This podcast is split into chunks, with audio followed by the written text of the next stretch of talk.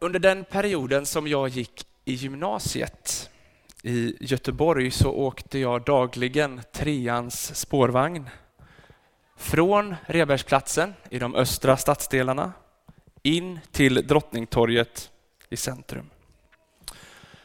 Och strax innan man passerade en av de vackraste platserna i hela Göteborg, Gamla Ullevi, så, eh, så passerade man en kyrkogård också som hette Stampenkyrkogården. Eh, med spårvagnen, den gick där förbi. Och ovanför ingången, perfekt i huvudhöjd när man satt i den gamla modellen av spårvagnar, de som inte går längre, så kom en skylt ovanför ingången som man såg en kort, ett kort tag när man åkte förbi, om man tittade upp. Och på den skylten så stod det Tänk på döden. Tänk på döden.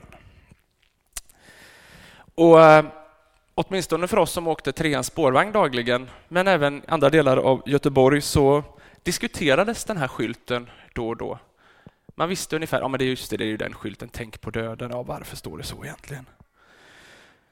Ehm, och människorna som åkte där förbi och som åker där förbi idag tycker ofta att budskapet att skylten är ganska jobbig. Orden ”tänk på döden” river upp känslor och åsikter hos människor och detta diskuteras då och då. Och många tycker att skylten är jobbig att titta på. När jag förberedde den här predikan så kom jag över en bok av en katolsk teolog som heter Anders Piltz, en svensk. Och han skrev om döden och vår tids förhållande till döden skrev han ungefär så här. Att tala om döden i vår tid kräver samma järvhet som att tala om sex bland viktorianer. Att tala om döden i vår tid, det kräver ungefär samma järvhet som att prata om sex bland viktorianer. Det kanske blir lite spänt, lite obekvämt. Jag levde inte på den viktorianska tiden, men eh, jag kan tänka att det var så, eller vad säger du Tore? ja, du nickar. Ja. jag menar inte att du var gammal alltså.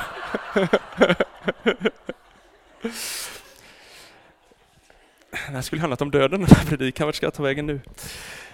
Ehm, ändå, fast vi har svårt att prata om döden, så finns den dagligen i vår populärkultur. Den finns i radio, den diskuteras i tidningar, tv, film, dataspel.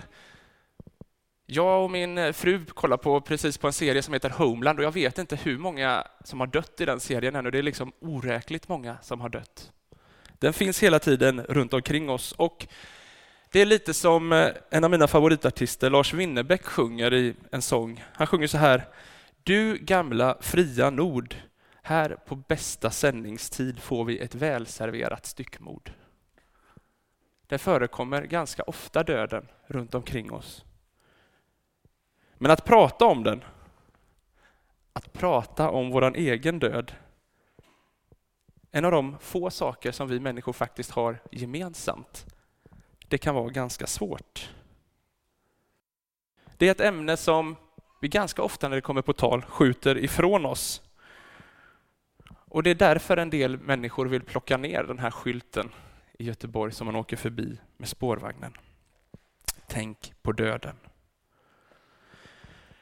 Och när eh, kyrkogården anlades för cirka 200 år sedan, då fick den här skylten en väldigt central plats, precis ovanför ingången.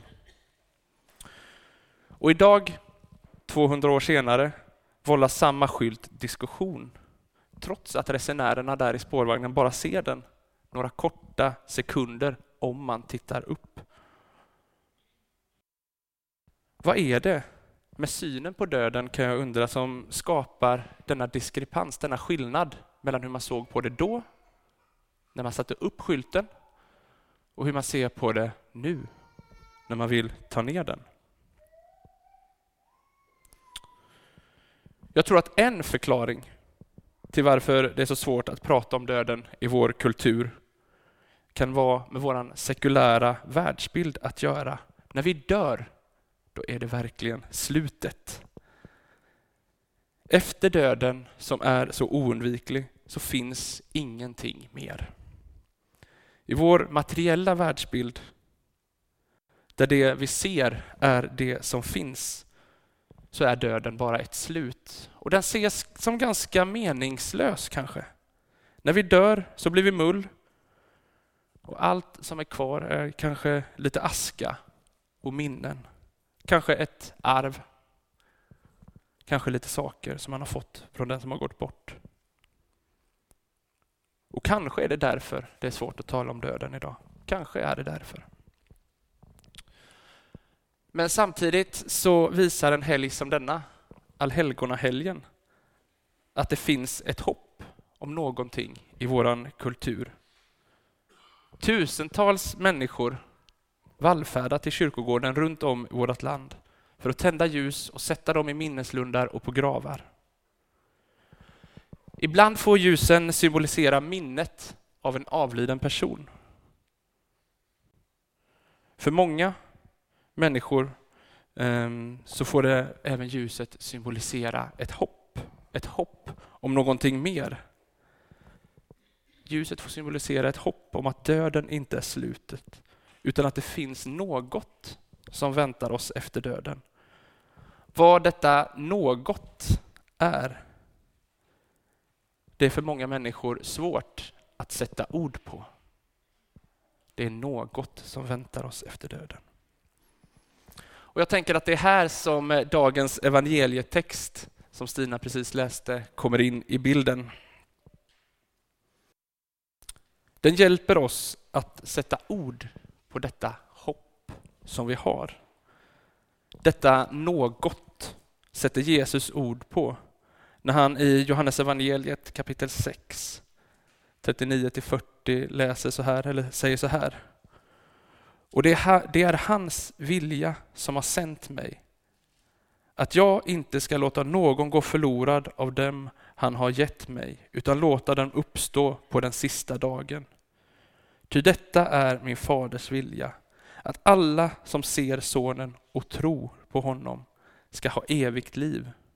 Och jag ska låta dem uppstå på den sista dagen. I evangelietexten så blir det väldigt tydligt för mig om att Jesus pratar om en Gud som ständigt söker efter oss. Det är hans vilja. Det är Faderns vilja. Han talar om en fader som inte vill att en enda av oss ska gå förlorad. Och innan dagens evangelietext så liknar sig också Jesus vid det levande brödet. Brödet som har kommit ner från himlen för att ge världen liv. Genom Jesus Kristus blev Gud det levande brödet som kom ner till jorden för dem som han hade utvalt, alltså människan, inte skulle gå under. En Gud som ständigt söker efter oss i sin, sin stora kärlek till oss. Och Jesus talar om i texten att hans och Faderns vilja är densamma. Att finna oss människor och skapa tro hos oss. Vi behöver inte söka detta. Guds kärlek finns redan att ta emot. För det är sådan som Gud är. Vi behöver inte söka honom. Han finns redan. Det här blir tydligt, tycker jag, i Gamla Testamentet när Gud väljer ut israeliterna eller hebreerna till hans folk. Han väljer inte ut dem för att de är större, för att de är vackrare, för att de är starkare eller bättre än alla andra folk. Han gör det eftersom han älskar dem. Och det är inte av prestation eller för att de har sökt honom. Det är han som söker dem. Och I en bok så beskriver C.S. Lewis sin väg till frälsning i hans självbiografi. Han beskriver den som att Gud omringar honom. Att han inte gavs något val förutom att öppna sig inför Gud och följa. Och att inte ha något val, det beskriver han inte som något olustigt, utan det beskriver han som, som en känsla av befrielse. Han beskriver det inte negativt, utan som en känsla av befrielse. Och Jag kan tänka att det är så att Jesus, han drar oss ständigt till sig. Och vi behöver inte göra någonting för det. Det enda vi behöver göra det är att liksom Louis svara i tro. Gud ger oss alltid valet. Och det är precis som när vi sjunger salmen Se hur Guds vinden bär. Du är nu fri att säga ja eller nej. Du är nu fri att säga ja eller nej. Jesus ger löftet i evangeliet att om vi svarar på hans kärlek och öppnar upp oss, då är inte döden slutet. Då finns det ett liv efter detta, ett evigt liv tillsammans med Gud. Och Gud, han uppenbarar sin vilja med oss och sin kärlek till oss genom Jesus Kristus. Det är inte detta något vi kan sätta vårt hopp till. Detta något som vi hoppas på efter döden. Det är Gud själv som står och tar emot oss med öppna armar och kallar på oss. Och kallar oss till sig. Han kallar på dig och på mig. Och I verserna innan dagens evangelietext som jag var inne på så liknar sig Jesus vid livets bröd.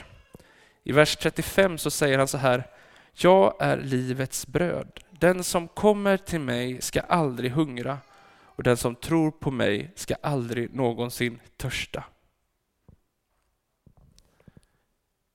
Jesus avvisar aldrig någon som kommer till honom, som vill närma sig honom. I evangeliet så söker sig människor till honom och han avvisar dem aldrig. För han vill inte att någon enda människa ska gå förlorat. Han är ju brödet från himlen som vill skapa liv. Och för dem som vill ta emot det här brödet så öppnar sig hoppet. För dem så öppnar sig evigheten och himmelriket. Frälsarkransens skapare och gamla biskopen i Linköpings stift, Martin Lönnebo, höll en, eh, en predikan på författaren Gunnel Wahlqvists begravning. Och han höll den som en dialog mellan sig själv och Gunnel, där han själv svarade på Gunnels röst. De kände varandra väl. Och han inledde den här predikan med att säga så här.